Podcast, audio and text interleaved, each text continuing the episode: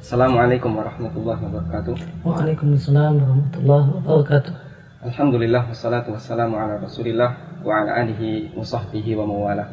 Pemirsa yang budiman, kembali kita akan melanjutkan diskusi kita dalam program acara Fikih Keluarga bersama narasumber kita Al Ustadz Aris Munanda. Assalamualaikum Ustaz. Waalaikumsalam. Dan insya Allah di kesempatan kali ini kita akan mengupas tema tentang pacaran. Untuk mempersingkat waktu, kami persilahkan kepada Ustadz Aris untuk menyampaikan tema ini. Silakan Ustaz. Alhamdulillah wassalatu wassalamu ala Rasulillah wa ala alihi wa sahbihi wa man tabi'ahum bi ihsanin ila yaumidin amma ba'du. Pemirsa yang berbahagia, dalam kesempatan kali ini kita akan membahas tentang di antara cara atau di antara bentuk mencari jodoh, mencari pasangan hidup yang terlarang yang ini satu hal yang telah kita ketahui bersama apa itu bentuknya dan apa namanya telah yang biasa disebut dengan pacaran. Dan e, pacaran tidaklah diragukan adalah satu cara yang haram satu cara yang dilarang oleh syariat berkaitan dengan masalah mencari jodoh. Karena di dalamnya kita jumpai berbagai macam pelanggaran syariat. Di antara pelanggaran syariat yang kita jumpai dalam kegiatan banyak muda dan mudi eh, yang disebut dengan pacaran, eh, di antaranya adalah yang pertama di sana terdapat berdua-duaan bersepi-sepi eh, antara lelaki dan perempuan yang bukan apa-apanya dan ini adalah satu hal yang terlarang dan di antara jalan menuju zina. Sebagaimana sabda Nabi Shallallahu Alaihi Wasallam, layak luwanna rajulun bimro'atin illa kana thalithuhuma asyaitanu atau kama qala sallallahu alaihi wasallam tidaklah seorang laki-laki itu berdua-duaan dengan seorang perempuan kecuali ketiganya adalah setan maka jika setan hadir di antara mereka berdua, maka tentu bisa ditebak apa yang dilakukan setan, mengompor-ngompori dan memanas-manasi keduanya untuk melakukan hal-hal yang terlarang. Demikian juga dalam uh, acara pacaran ini akan kita jumpai pelanggaran syariat dalam bentuk bersentuhan, pegang-pegangan, antara laki-laki dan perempuan yang belum terikat dengan ikatan apa pun. Maka boleh jadi dalam bentuk yang paling sederhana, jabat tangan, atau kemudian boleh jadi memegang hal-hal yang lain yang lebih buruk dan lebih berbahaya lagi. Padahal Nabi Shallallahu Alaihi Wasallam bersabda dalam sebuah hadis yang diatkan oleh At-Tabrani dan dinilai sahih oleh Al Albani Eh, Nabi Shallallahu Alaihi Wasallam bersabda, la, ayu ta'ana birasi ahadikum bimikhyatin min hadidin khairun lahu min ayamusa imra'atan la tahillu lahu. Sungguh jika kalian menyentuh, jika salah satu kalian menyentuh atau sungguh jika kepala salah satu kalian ditusuk dengan jarum dari besi, maka ah, artinya tentu kepalanya akan berdarah-darah. Yang ini tidak mau dan tidak uh, bukan orang yang semacam ini tentu harus dilarikan ke UGD, ke rumah sakit karena kepalanya tertusuk jarum dari besi bukan jarum dari plastik. Nah, tentu satu keadaan yang sangat berbahaya. Maka sungguh jika kepala salah satu kalian ditusuk dengan jarum dari besi, itu jauh lebih baik daripada menyentuh tubuh seorang perempuan yang tidak halal dia sentuh. Kenapa tidak halal dia sentuh? Karena bukan istrinya, demikian juga karena bukan mahramnya. Dan tidak boleh tidak dalam acara yang namanya pacaran pasti terdapat di sana ya, sentuhan. Terdapat di sana pegang-pegangan, ya, pegang-pegangan tangan atau yang lainnya. Maka tidaklah diragukan tentang haramnya hal ini. Demikian juga sebagaimana kita ketahui bersama ketika uh, ada dua pemuda dan uh, ada satu pasang pemuda dan pemudi terjumus dalam maksiat pacaran maka tentu eh, akan rusaklah kondisi hati mereka berdua. Eh, setiap saat membayangkan si dia. Eh, makan membayangkan di, di, di dia, maka di ruang makan ada si dia, di kamar mandi ada si, ada si dia, di tempat tidur ada si dia, dan seterusnya. Dan maka ini adalah di antara bentuk eh, zina hati sebagaimana yang disampaikan oleh Nabi Shallallahu Alaihi Wasallam wal qalbu eh, yashtahi wa yatamanna dan zina hati adalah menginginkan dan berangan-angan dan ini satu hal yang pasti ada dan dijumpai pada orang yang melakukan perbuatan pacaran. Demikian pula dalam pacaran kita jumpai sebagian orang yang berpacaran itu sangat ke kelewatan dalam melanggar syariat. Di antara mereka boleh jadi ada yang namanya uh, bahkan sudah uh, buka-bukaan seluruh pakaiannya, cuma tinggal terjadi hubungan seksual sesungguhnya. Ada yang disebut dengan petting, atau bahkan lebih parah daripada hal tersebut. Ini dilakukan oleh banyak orang yang berpacaran. Oleh karena itu, maka jika kita timbang hal-hal ini, maka tidaklah diragukan seorang muslim yang mengenal dalil dari Quran dan Sunnah, yang masih memiliki fitrah yang sehat, tentu akan menyadari dan memahami bahasanya ini adalah satu hal yang terlarang.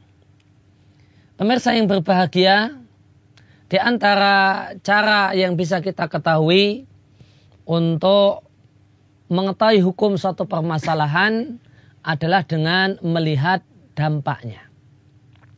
Ini satu kaidah penting dalam hukum Islam di antara metodologi yang bisa kita terapkan dan kita gunakan untuk mengidentifikasi hukum satu permasalahan adalah dengan meninjau dan melihat dampak dari perbuatan tersebut.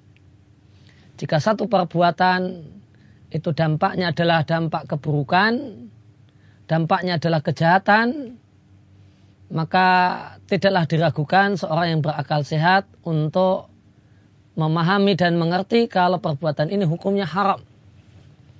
Dan jika kita lihat apa dampak dari pacaran, maka kita akan lihat Eh, beberapa dampaknya. Yang pertama adalah terjadinya zina. Dan ini satu hampir yang bisa kita katakan sebuah uh, satu hal yang galib, satu hal yang sangat dominan. Kalau orang itu terjumus dalam pacaran, apalagi kemudian sudah berlama-lama bertahun-tahun, eh, maka bisa dipastikan terjadinya zina sesungguhnya itu satu hal yang sangat peluang besarnya untuk terjadi. Ada peluang besar hal tersebut terjadi. Padahal Allah Subhanahu wa taala berfirman, "Wala zina." Janganlah kalian mendekati zina. Maka Allah Subhanahu wa taala melarang kita untuk melakukan zina dan melakukan hal-hal yang mengantarkan kepada zina. Yang ini disebut dengan mendekati zina. Maka yang terlarang dalam zina bukan hanya zinanya itu sendiri. Namun yang terlarang dalam zina adalah berbagai jalan yang secara kemungkinan besar ghaliban urfan secara dominannya itu akan mengantarkan kepada zina maka ini juga satu hal yang terlarang. Kemudian di antara dampak terjadinya ya, terjadi eh, dampak dari pacaran setelah terjadi zina maka boleh jadi terjadi kehamilan. Setelah itu terjadilah aborsi. Maka terdapat satu kejahatan yang sangat besar dalam syariat ya, yaitu aborsi anak. Ya, maka setelah uh, boleh jadi aborsi ini terjadi setelah boleh jadi di awal-awal kehamilan atau terjadi jadi boleh jadi sudah sekian bulan karena pacarnya atau si laki-laki tidak mau bertanggung jawab, akhirnya dia eh, menggugurkan kandungannya atau bahkan itu permintaan pihak laki-laki. Dan ini adalah sebuah kejahatan yang lain.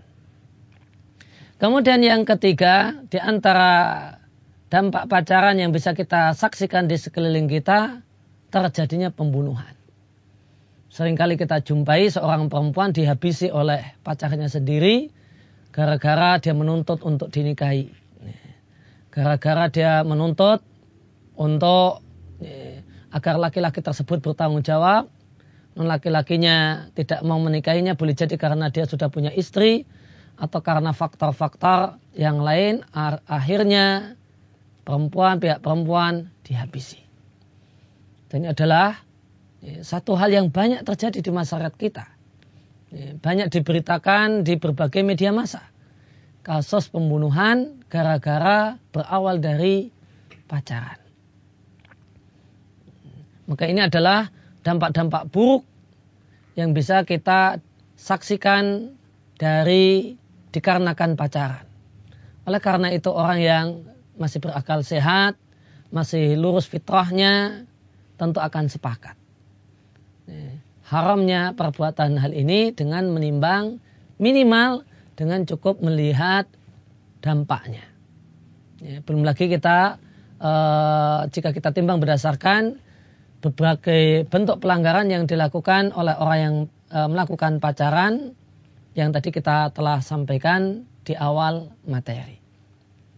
Ya, demikian kurang lebih yang bisa kita sampaikan. Wassalamualaikum Muhammadin wa ala alihi wa sahbihi wasallam.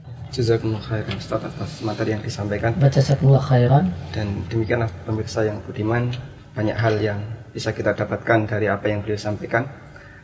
Terutama terkait dengan dampak buruk pacaran dari mulai eh, perbuatan zina sampai terjadinya pembunuhan. Namun untuk kemudian melengkapi acara kita kali ini, Ustaz, kita akan sambung dengan beberapa diskusi. Ada beberapa hal yang mungkin eh, menjadi tanya jawab bagi yang lain terkait dengan masalah pacaran. Sebagian orang ketika melakukan pacaran itu alasan terbesarnya adalah untuk menyelami karakter pasangannya gitu Ustaz. Sehingga yang mereka pahami untuk bisa menuju ke situ adalah dengan pacaran.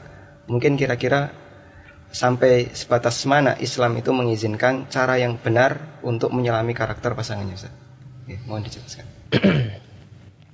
ya, e, pacaran dengan alasan menyelami karakter. Maka ini pertama komentar yang bisa kita atau tanggapan yang bisa kita berikan, benarkah dengan pacaran orang itu tahu karakter pasangannya? Jawabannya tidak. Karena ketika orang itu pacaran, ya, di sana banyak setan yang mengelilingi mereka berdua. Maka dan setan sudah melakukan tazin, membuat indah sesuatu yang jelek, maka boleh jadi laki-laki tersebut tampangnya buruk, maka itu pun nampaknya ganteng. Boleh jadi ceweknya ini itu juga tidak cantik-cantik amat, non gara-gara pacaran kelihatan demikian cantik. Demikian pula berbagai karakter ya, dari si laki-laki ataupun si perempuan. Sebenarnya ya, perempuan ini ya, aslinya ya tidak menarik karena demikian bodohnya. Ya, karena eh, demikian eh, sebenarnya satu hal yang sangat tidak menarik. Namun setan hadir kemudian membuat nampak indah. Nah, maka yang jelek ini pun nampak dan menarik. Demikian juga sebaliknya, eh, laki-lakinya ini sebenarnya pemalas. Eh, karakter aslinya namun dilihat oleh ceweknya ini satu yang uh, cakep, bagus dan semacam itu. Maka anggapan bahwasanya dengan pacaran bisa orang itu bisa menyelami karakter pasangannya adalah anggapan yang dusta.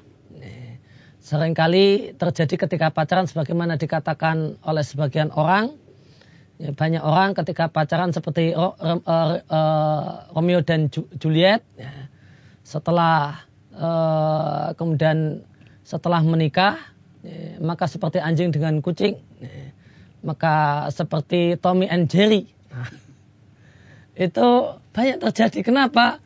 Karena barulah disadari jeleknya karakter pelakunya setelah pernikahan. Berarti selama pacaran sama sekali mereka tidaklah mengerti dan memahami karakter sesungguhnya dari uh, orang tersebut. Oleh karena itu, kita tidak akan bisa menyelami karakter seseorang dengan baik kecuali kita dalam kondisi netral. Kita tidak dalam kondisi sedang kasmaran jatuh cinta dengan orang tersebut, maka kalau sudah kasmaran, sudah jatuh cinta, sudah kena virus merah jambu dengan stadium 4, nah, maka enggak, semuanya akan nampak indah. Tidak ada yang nampak buruk dan jelek. Oleh karena itu, e, menyelami karakter seseorang itu akan bisa dilakukan dengan baik e, ketika kita dalam kondisi netral. E, yang ini ketika kita ingin menikah, maka kita cari informasi tentang orang tersebut. Boleh jadi dengan walinya, boleh jadi dengan kakaknya, atau boleh jadi dengan tetangganya, boleh jadi dengan kawannya, dengan cara-cara yang tentu dibenarkan. Ya. Kalau itu pakai mak comblang, pakai penghubung, ya. maka jika penghubungnya kenal, ngerti betul orang tersebut, ya, maka dia bisa, maka kita bisa tanyakan tanyakan lewat penghubung, atau demikian juga kita minta kepada ketika kita ingin data pribadi orang tersebut kita minta supaya dia bercerita terus terang tentang dirinya. Ya, ini ya, bisa jadi bahan meskipun nanti bisa ditambahkan dengan info-info penunjang yang lainnya. Ya, atau berarti kalau misalnya di, diungkapkan dengan kalimat lain, yang lain, uh, salah satu cara menyelami karakter tidak diperbolehkan melakukan komunikasi langsung. Seperti itu komunikasi langsung laki-laki dengan perempuan ya, pada dasarnya diperbolehkan jika ya, sekedar kebutuhan. Ya, maka namun jika tidak ada kebutuhan cuma dengan alasan untuk menyelami karakter, ah, tentu ini bukan tergolong kebutuhan yang bisa dibenarkan. Ya, terima kasih. Kemudian ada uh, hal lain yang dilakukan oleh sebagian orang ada yang kemudian punya kebiasaan SMS atau chatting dengan lawan jenis dan alasannya adalah untuk mengenali calon pasangannya kemudian bahkan terlalu jauh kadang sampai manggil Umi atau Abi nah semacam ini apakah sudah bisa digolongkan termasuk pacaran ya maka bisa kita katakan ada yang namanya pacaran terselubung pacaran berkedok boleh jadi uh, kedoknya kedok dakwah, kedok uh, ya, uh, saya bina kemudian saya bini, atau kedok-kedok yang lain.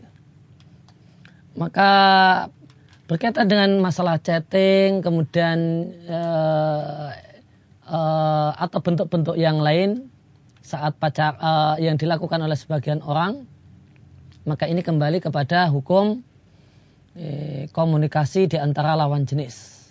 Yang tadi telah kita sampaikan, komunikasi di antara lawan jenis itu eh, diperbolehkan dengan beberapa syarat. Syarat yang pertama adalah kebutuhan. Eh, kebutuhan real. Maka jika memang ada kebutuhan real untuk melakukan komunikasi sebagaimana para sahabiah minta fatwa kepada Nabi, Sallallahu Alaihi Wasallam makanya kebutuhan real untuk terjadi komunikasi antar lawan jenis. Kemudian jika itu komunikasinya komunikasi uh, dengan suara, ya, komunikasi menggunakan audio, telepon atau semacam itu, maka syarat yang lain adalah hendaknya uh, uh, suara seorang perempuan ketika komunikasi dengan lawan jenis adalah suara yang datar suara yang biasa, tidak dilembut-lembutkan, tidak dihalus-haluskan, tidak dibuat meliuk-liuk, apalagi mendesah-desah basah. Nah, tentu ini terlalu keras karena ini satu hal yang sangat berbahaya di antara jalan untuk timbulnya keinginan-keinginan yang buruk.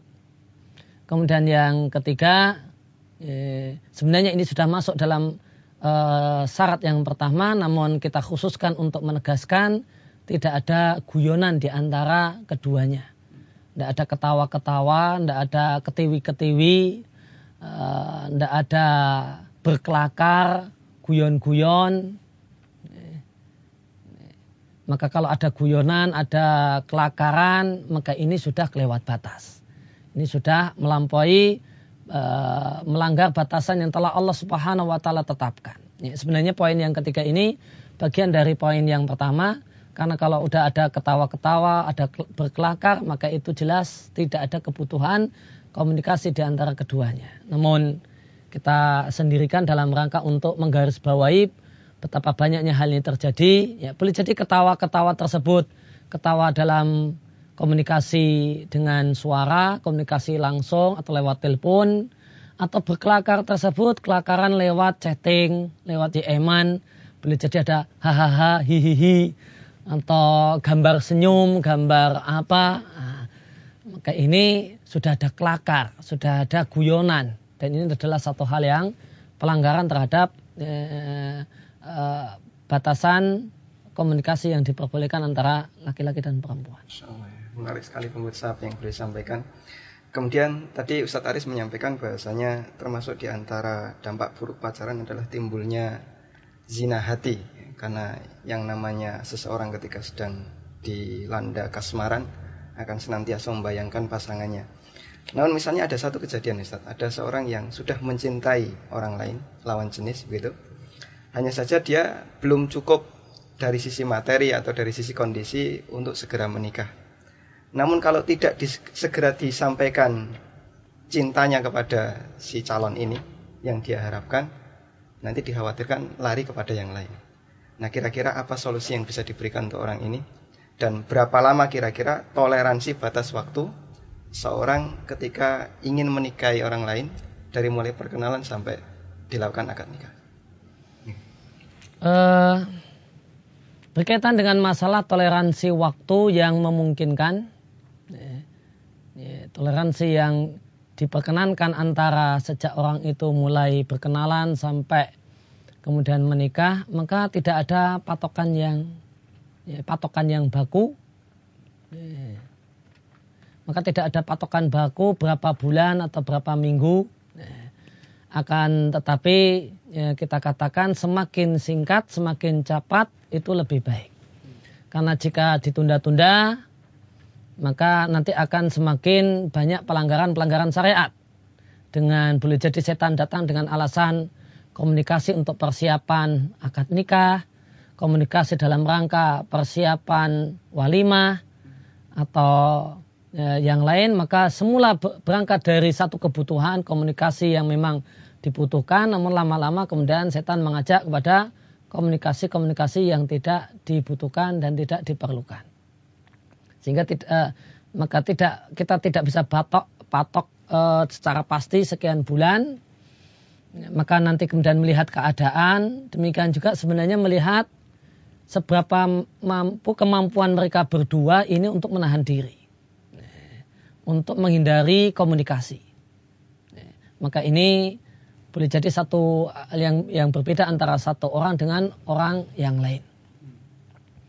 Kemudian e, ketika seorang itu sudah jatuh cinta, ya, sudah terkena virus merah jambu, namun dia merasa dirinya itu belum mampu untuk serius menanggapi hal ini dengan menuju jenjang yang halal, dengan menempuh jalan yang halal, ya, maka kewajiban dia untuk bersabar, ya, kewajiban dia berjihad melawan dirinya, dan untuk memupus berbagai macam uh, angan-angan dan keinginan dan bayangan-bayangan yang ada dalam dirinya.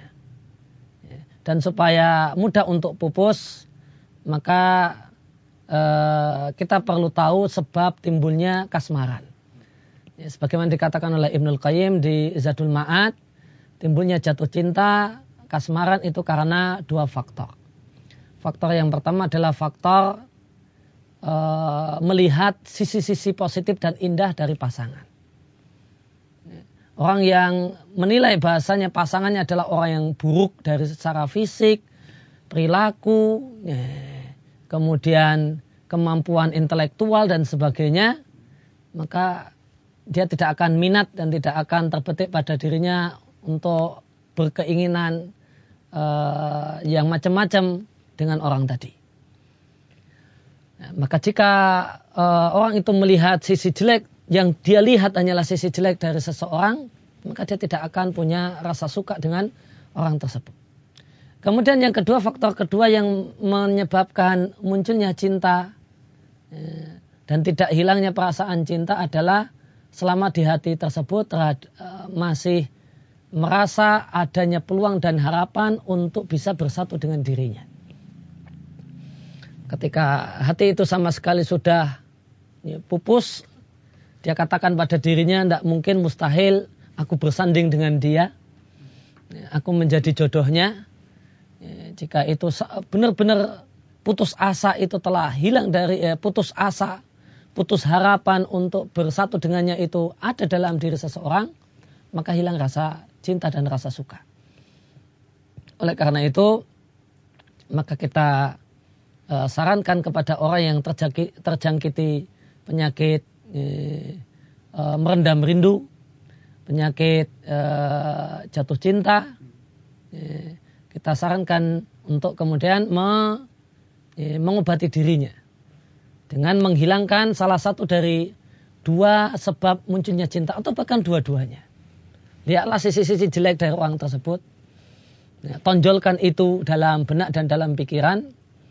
Oh dia ini pemalas, dia ini irungnya pesek, ah, aduh nggak menarik. Nah, kendaraannya butut, cuma kemudian pespa jelek, ah, atau semacam itu. Maka dengan adanya perasaan semacam itu, maka dia akan pupuslah e, rasa cintanya. Atau dia katakan pada dirinya, dia katakan dalam hatinya, kalau bersatu dengan orang ini satu hal yang tidak mungkin terjadi. Boleh jadi karena faktor orang tua atau faktor-faktor yang lain. Menarik sekali pemirsa apa yang beliau sampaikan, namun mengingat waktu dan keterbatasan kesempatan yang diberikan, eh, kita tidak bisa melanjutkan eh, tema kita kali ini.